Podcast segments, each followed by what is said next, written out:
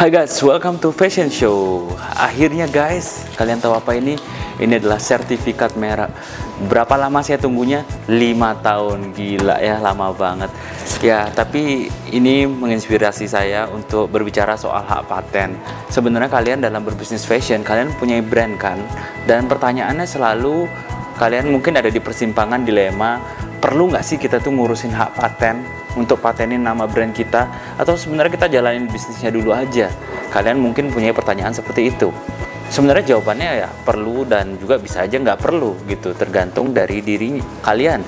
Sebenarnya sebelum kalian bertanya tentang perlu atau tidaknya harusnya kalian bertanya tentang seberapa seriusnya kamu dalam menjalani bisnis kamu atau brand kamu ini.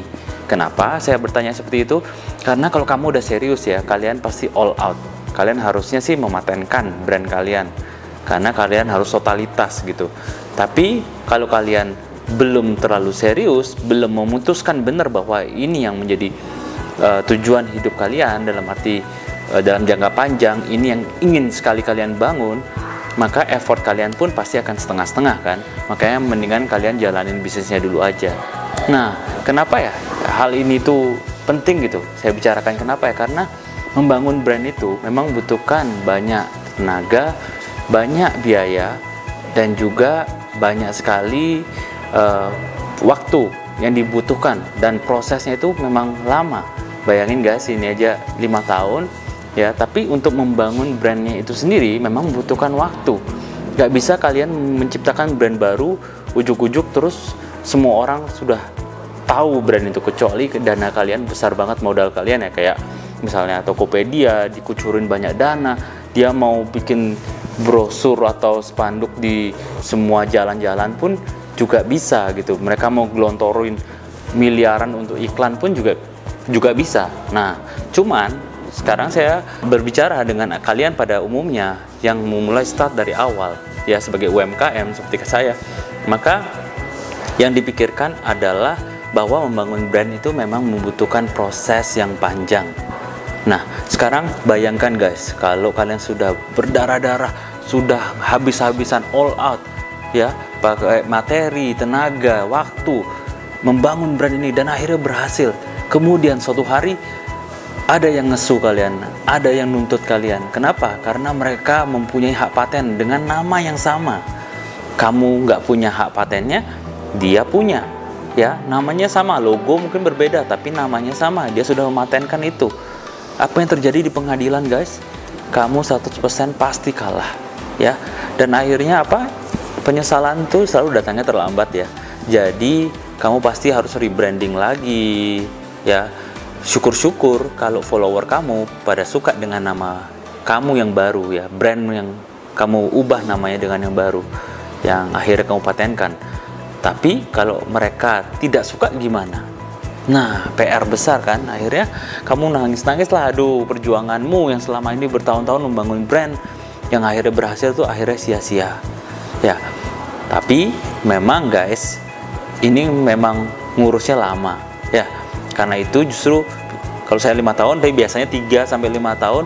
Karena itu jangan nunda-nunda. Kalau kalian memang serius, segera patenkan segera, ya karena prosesnya itu agak lama. Kedua, memang ada biaya guys lumayan. Tapi saya tidak menganggap ini sebagai biaya, melainkan adalah investasi untuk memproteksi nama dari brand kalian.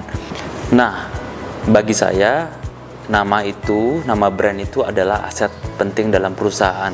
Makanya penting untuk kita memproteksi karena saya yakin yang membuat orang produk satu dengan produk lainnya yang lebih unggul adalah yaitu adalah dari brandnya sendiri.